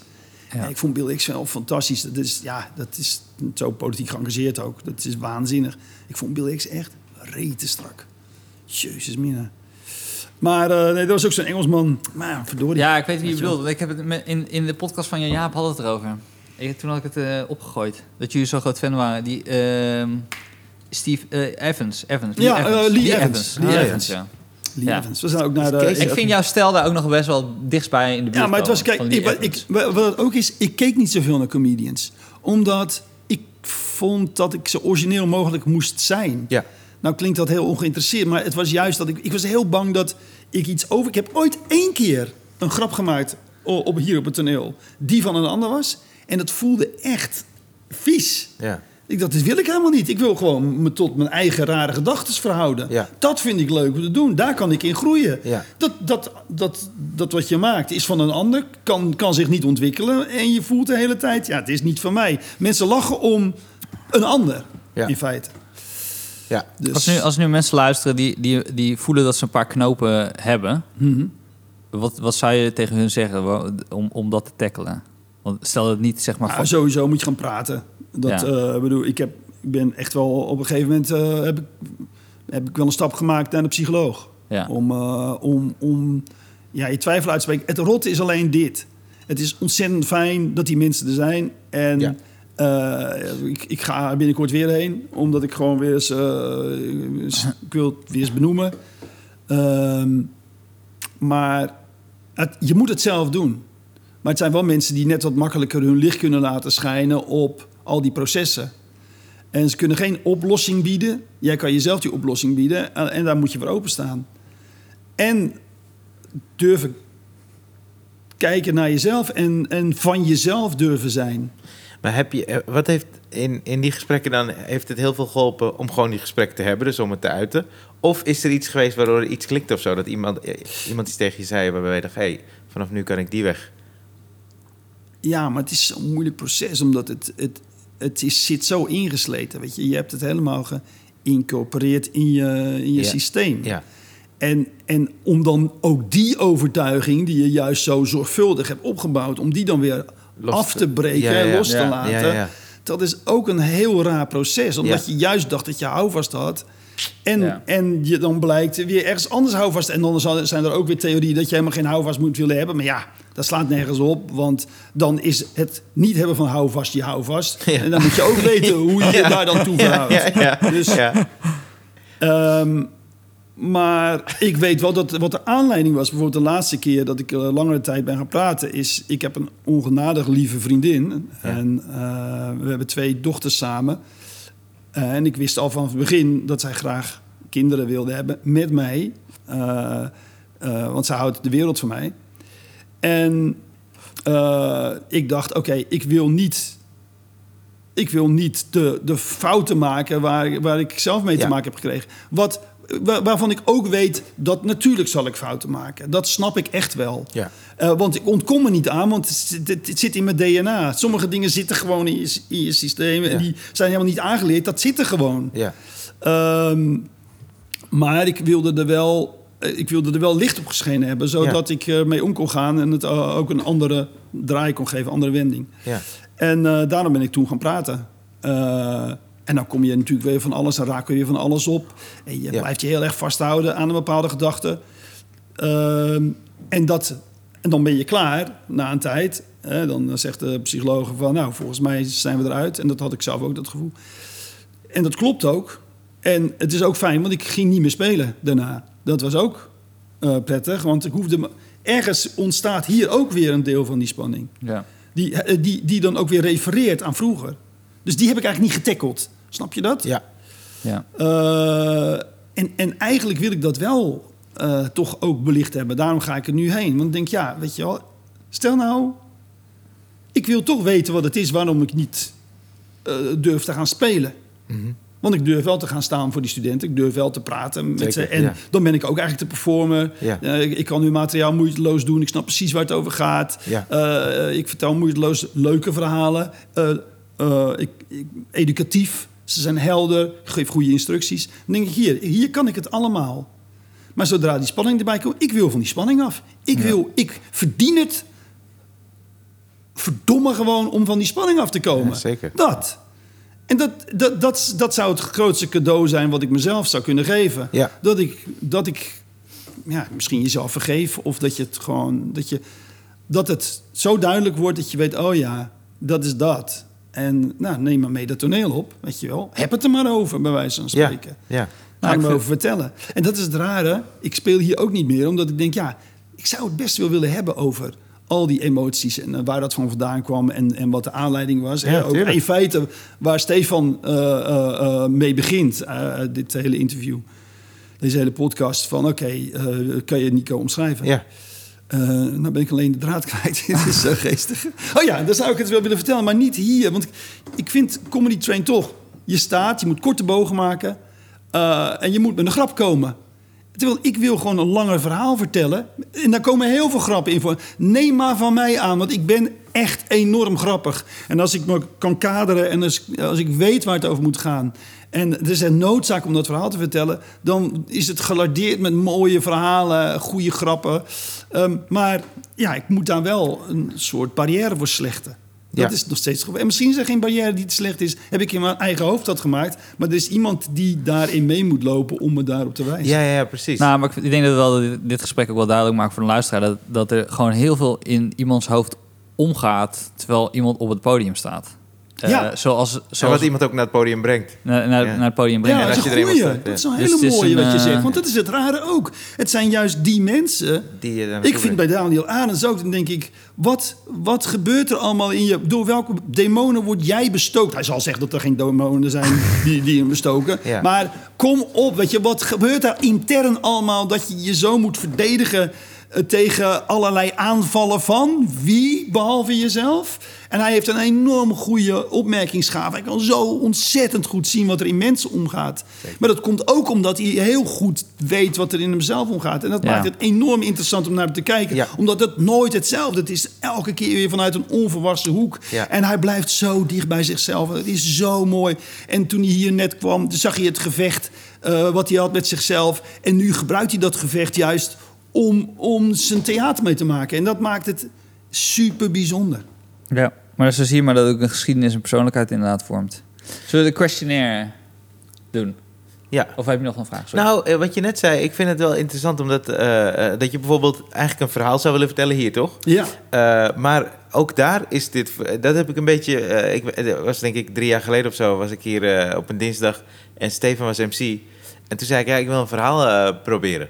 En toen heb ik dat gedaan. Maar toen baalde ik eigenlijk, wat jij net beschreef ook, er staat niet genoeg lach in of zo.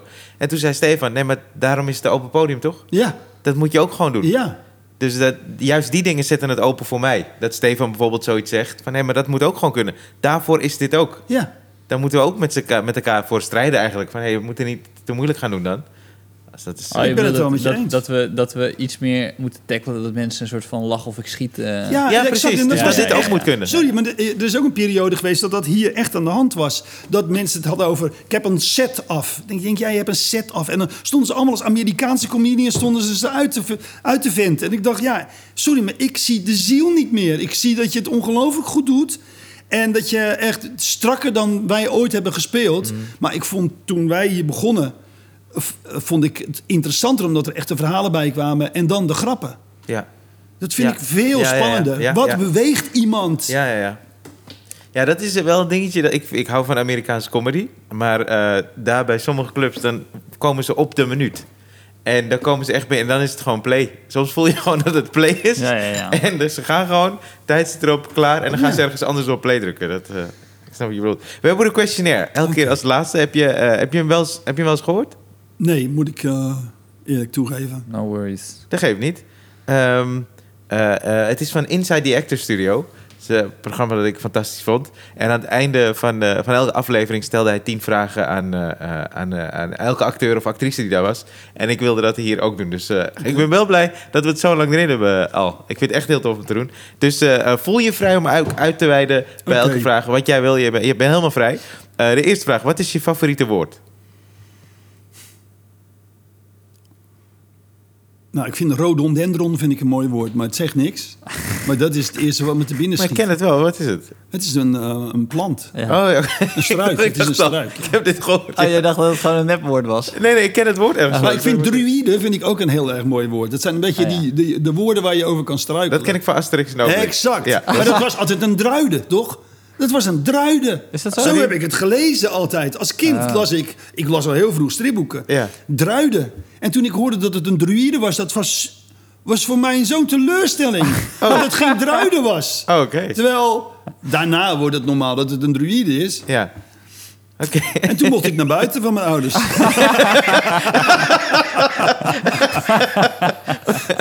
wat, is je, wat is je minst favoriete woord? Een nee. En toch gebruik ik het zo vaak. Zo vaak. Ik, ik hou zo van mensen die ja doen. Ja. Echt, dit is zo fijn. Eh, Hans Sibbel is een man die, die in ja leeft. En zo heb ik hem echt leren kennen. Het is gewoon ja. Weet je, je doet dingen. Eh, eh, hartelijkheid, eh, ehm, meenemen. als je, hoe heet dat? Dat je inclusief bent, dat heeft hij altijd uitgedragen. Dat vind ik zo fijn aan die man. Dat is ja. En ik heb zelf zo vaak nee, maar dat is niet. Ik bedoel, en ik, ik zeg heel vaak nee, omdat ik ja bedoel. Snap je? Maar een- een- nee, die gedachte niet. Maar ja, ik ben het wel. Ik wil wel dat doen. Ja. Alleen als we het nou zo doen, dan is het veel makkelijker. Ja. Dat maakt het ook allemaal zo gecompliceerd. Maar eh, eh, ja is een hele fijne om op aan te gaan. Want dan, dan, dan gaat het stromen. Ja, ja, precies. Eh, waarvan, ja, waarvan ga je aan? Creatief gezien, spiritueel, emotioneel? Behalve ja dan. Nou, ik ga aan op, eh, op eh, emotioneel. Dat is wel mijn, een van mijn grote drijfveren. en hoe ga je emotioneel aan? Nou, als ik bijvoorbeeld enthousiast ben, dat zul je ook wel terug horen hier in de podcast. Als ik eenmaal in dat onderwerp ben, dan, dan ga, ik- kan ik alle kanten uit. Weet Ja. je? Dan vind ik het heerlijk om mee te gaan of me er eh, enorm boos over te maken. Dat was toen ik comedy, co- comedy speelde, was ik ook heel vaak kwaad. Ik was ook echt oprecht kwaad. Ja. Een echte oprechte kwaadheid om heel veel dingen die ik meemaakte. En dat maakte het ook heel bijzonder. Eh, en dat vond ik ook echt fijn. Als ik in die modus terecht was gekomen. Niet alleen maar de kwaadheid. Maar kwaadheid is ook... Daar zit ook zoveel creativiteit.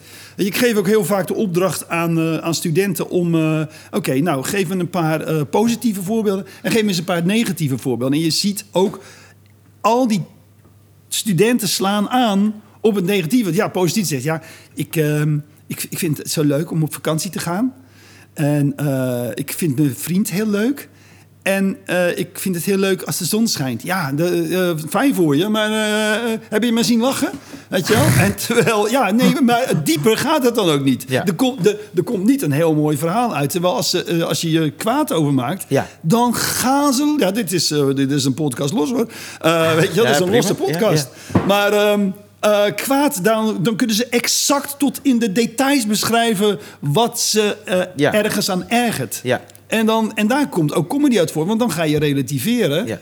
En dan krijg je ja, de humor. Want eh, mensen hebben herkenning en schieten dan in de lach. Oh ja, zo lullig kan ik ook reageren op zoiets. En dat is, ja, daar, daar zit gewoon heel veel in de emotie. En waarvan ga je uit? Eh, oh ja, ouders bij eh, de lagere school die elkaar niet groeten. Die dan, eh, die dan gaan staan wachten tot een ander. Eh, ik heb dat met een paar mensen eh, op de school waar mijn meiden zitten. Daar heb ik aan het begin van het jaar een paar keer zo.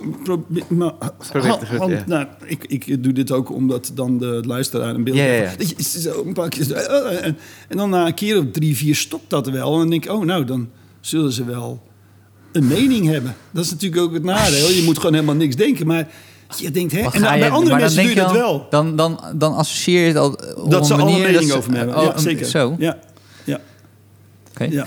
Nou, daar kom ik vandaan. Ja, ja werkelijk. Wat is je favoriete scheldwoord? Woe. Favoriete scheldwoord.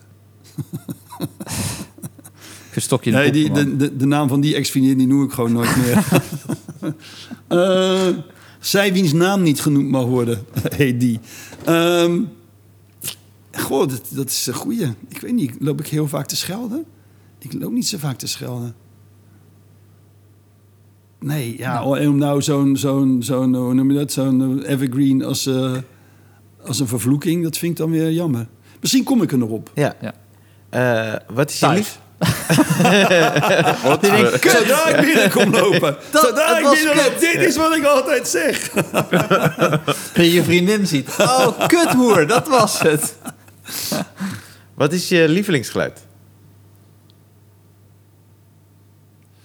Oh, nou, ik heb heel veel voor de radio ook geschreven. Dat is helemaal niet besproken, maar ik heb eh, een aantal jaren dagelijks geschreven voor Van Inkel.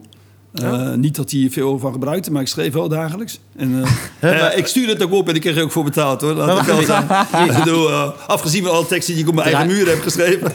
Maar Jeroen van Inkel die had dus een radioshow. En dan, Ja, dan wat, schreef schreef, ik- wat schreef jij ervoor? Actuele grappen. En die deed hij dan? En die deed hij eh, in het, eh, in het eh, meest positieve geval, ja. Maar ook als hij ze niet deed, dan kreeg ik wel terug dat hij er erg om gelachen had. Maar dan durfde hij ze niet te doen. Maar, Maar dan dat- deed hij het als een blokje? Of, Ja, dan deed hij deze er tussendoor, ja. Oh, wauw. Oh, dat en ik niet. heb nu ook een tijdje gedaan voor Frank van het Hof. En die, die, die begonnen dan zijn, zijn uur mee. Ja. Dus, maar ja, die heeft nu ook weer een nieuw programma. Dus die, geen idee of die nog gebruik gaat maken van mijn services. Maar wat ik er zo leuk aan vond bij eh, Van Inkel, het schrijven, was dat het s'avonds was. En s'avonds wordt alles stil. S'avonds, dus en dan schreef ik tot in de nacht, tot een uur of één. En, en dan wordt het echt stil. In, ieder geval Heerlijk. in de echt, maar, echt Ja. totaal dat Ja, er niks het. meer is. Ik weet het. Ik Geen geluid. ja. En, dat is, en dan ontstaat de creativiteit. Dan gaat het lopen, omdat er niets van afleiding is. En dat is zo gaaf. Ja. Het is net als ja, fietsen door een uitgestorven stad. Ja, vind ik ook Nou, heerlijk. of door een tunnel rijden en niemand rijdt voor je. Ja, Oh, dat is, dat is Dat ook een vind ik mooie. echt mooi, want- maar, dat is, maar ik vind eh, fietsen door de stad. En ik, ik kwam hier in eh, 1988 kwam ik hier wonen in Amsterdam. En dan, ik heb echt heel veel s'nachts geleefd. Want ja, je was toch bezig met theater de hele tijd. Dus je reed, dan reed ik s'nachts over de gracht en dan was het echt stil. De, Ramses Shaffi zingt... Het is stil in Amsterdam, de mensen zijn gaan slapen. En dat is echt, dat was echt zo. Maar dat hoef, ja, nu misschien ook weer met corona. Ja, dat was ook zo met Ja, corona. ook zo. Maar in die tussentijd, die toeristen die er waren... er was op een gegeven moment geen stil moment meer in de stad. Nee. En de echte stilte als je zit te schrijven is, ja, is van een enorme schoonheid. Ja. Dus die, je lievelingsgeluid is stilte. Eigenlijk wel. Mooi, mooi. Hebben we nog niet gehad eigenlijk, toch? Je wordt een goede interviewer. eh. ja? Ja. Ah, dat denk je. Maar deze, dit antwoord hebben we nog niet gehad. Dat vind ik heel tof.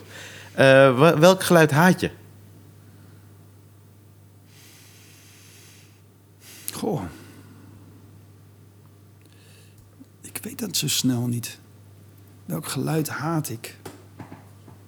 Oh man, wat een goede vraag. Wat een fijne vraag is dit. Maar ik heb hem niet per direct. Dat geeft niet. Wat zijn er nou voor geluiden die ik haat? Ik denk dan toch aan... Wat ik, ik vind, weet je, scheepsgeluiden vind ik ook gaaf allemaal. Weet je, dat boenk, dat koink, Ja. dat, dat vind ik allemaal tof. En ik ben een positief ingesteld mens, heb ik het eh, idee. Verkeersongelukken? Dat Niet. geluid, van de klap. Ja, En schreeuwen en, daarna. dat, en dan dat sorry moeten zeggen tegen die mensen. sorry, ik ga echt mijn rijbewijs halen. Vooral sorry dan, is, je, is je- het geluid dat je haat. Ja. oké. Eh, eh, eh, welk beroep, anders dan de beroepen die je hebt gedaan of doet eigenlijk, zou je willen doen? Is er een beroep? Ja, ja, ik zou wel ontwerper willen zijn. Oh, Ja. kledingontwerper? Nee, Oh. eh, ehm, nou, kledingontwerper ook wel. Ja. Eh, het was zo dat ik ging naar de... Ik deed auditie voor de Kleinkunstacademie... maar tegelijkertijd deed ik auditie voor de Kunstacademie in Rotterdam. Eh, ik had eh, samen met een aantal andere eh, gasten van de middelbare school... Hadden we een musical gemaakt. En ik deed het decor en ik deed de, de aankleding. Wat dus ik gaaf. maakte maskers. Animal Farm was dat, van George Orwell. En dus de, er was een band op die school en ik, eh, dat waren vrienden van mij. En eh, ja, ik kon echt alles met mijn handen. Dus ik eh, ging samen met een eh, andere jongen die uiteindelijk kunstacademie is gaan doen. eh, maakten wij de maskers. En dan ging je eh, gewoon stoffen kopen en... eh, nou, het was, het waren allemaal, het was, het was met karton. Het was met heel veel karton. En dan eh, decorstukken maken. Dus eh, je kon gebruik maken van, ehm, van de zagerij van de, van de, van de school. En ehm, die hele aankleding, het hele ontwerp, dat had ik geschetst. En die maskers had ik bedacht met eh, kappen. En ja, dat was ik echt allemaal zelf bedacht. Dus dat nam ik allemaal mee naar de kunstacademie. En toen stelden ze op de kunstacademie de vraag... als jij... Want ik vertelde dat ik ook bezig was met kleinkunst. Ze zei, oké, als je nou moet kiezen tussen eh, eh, deze opleiding en de Kleinkunstacademie, wat ga je dan doen? Toen zei ik, dan ga ik naar de Kleinkunstacademie. Ja, waarop ik een brief kreeg dat ik eh, niet was aangenomen. Ik had natuurlijk dat helemaal niet moeten zeggen, maar ja, ik was zo'n rare, pure, ongekunstelde, ja. naïeve. Ja, maar dan is, het wel, dan is het wel de goede emotionele keuze geweest, toch? Ja, dat is Ja. precies, dat is wat ik wilde. En, maar ik vind design... Ik, zat ook heel vaak te tekenen vroeger. En dat is echt een tafeltje wat ik heb getekend... wat ik jaren later zag. Dat ik dacht, nou shit, dit is gewoon het idee wat ik had. Waar hebben ze dat eh ontfutseld? Ja, ja, ja. Zo, weet je wel?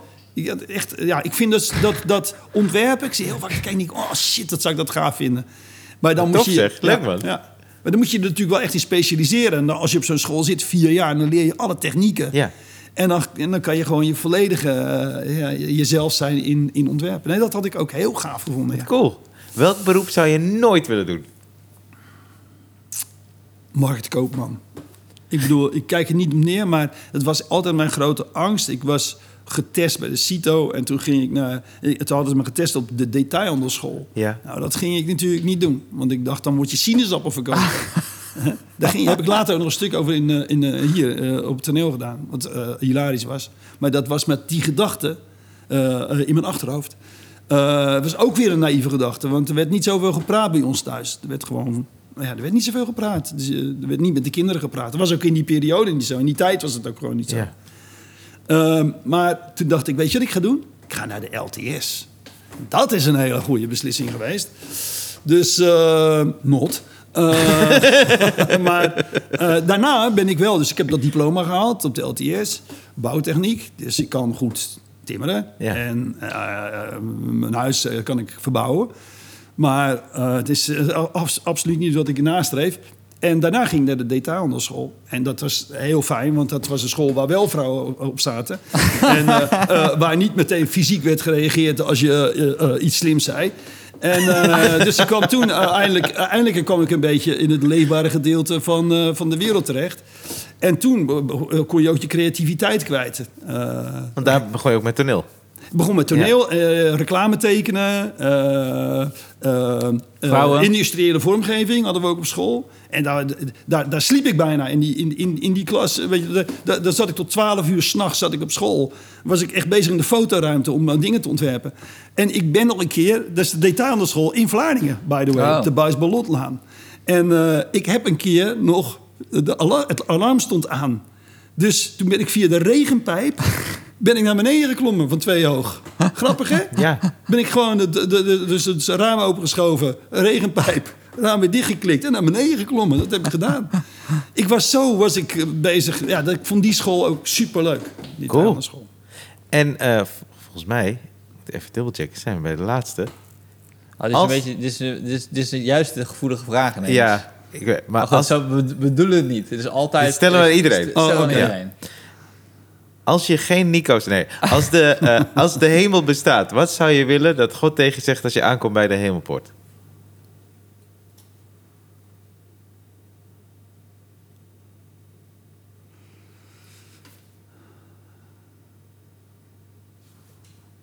Nou jongens, is dat nou zo moeilijk?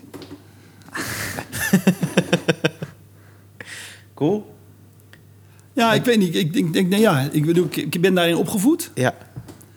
En eh, ik heb er ook heel erg in geloofd. Ik heb op die LTS gezeten en dat was echt ehm, een, een rot tijd. Dat was echt geen leuke tijd.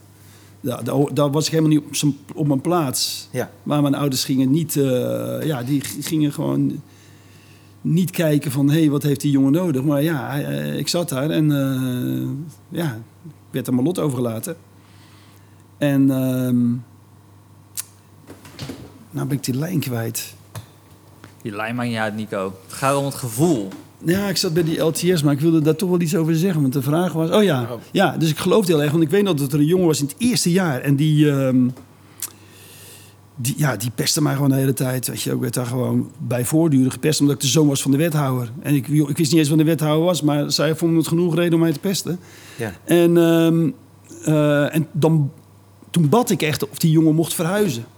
Dan bad ik, dus ik, ik vloekte hem niet of wat dan ook. Maar ik bad echt. Ja. En ik heb heel veel daaraan gehad, weet je wel. En in een soort leegte heb ik ontzettend veel geloofd in Jezus. En in, in, in- vooral in Jezus, ja. Die, daar bad ik echt toe, dat hij, eh, dat hij me toch zou helpen.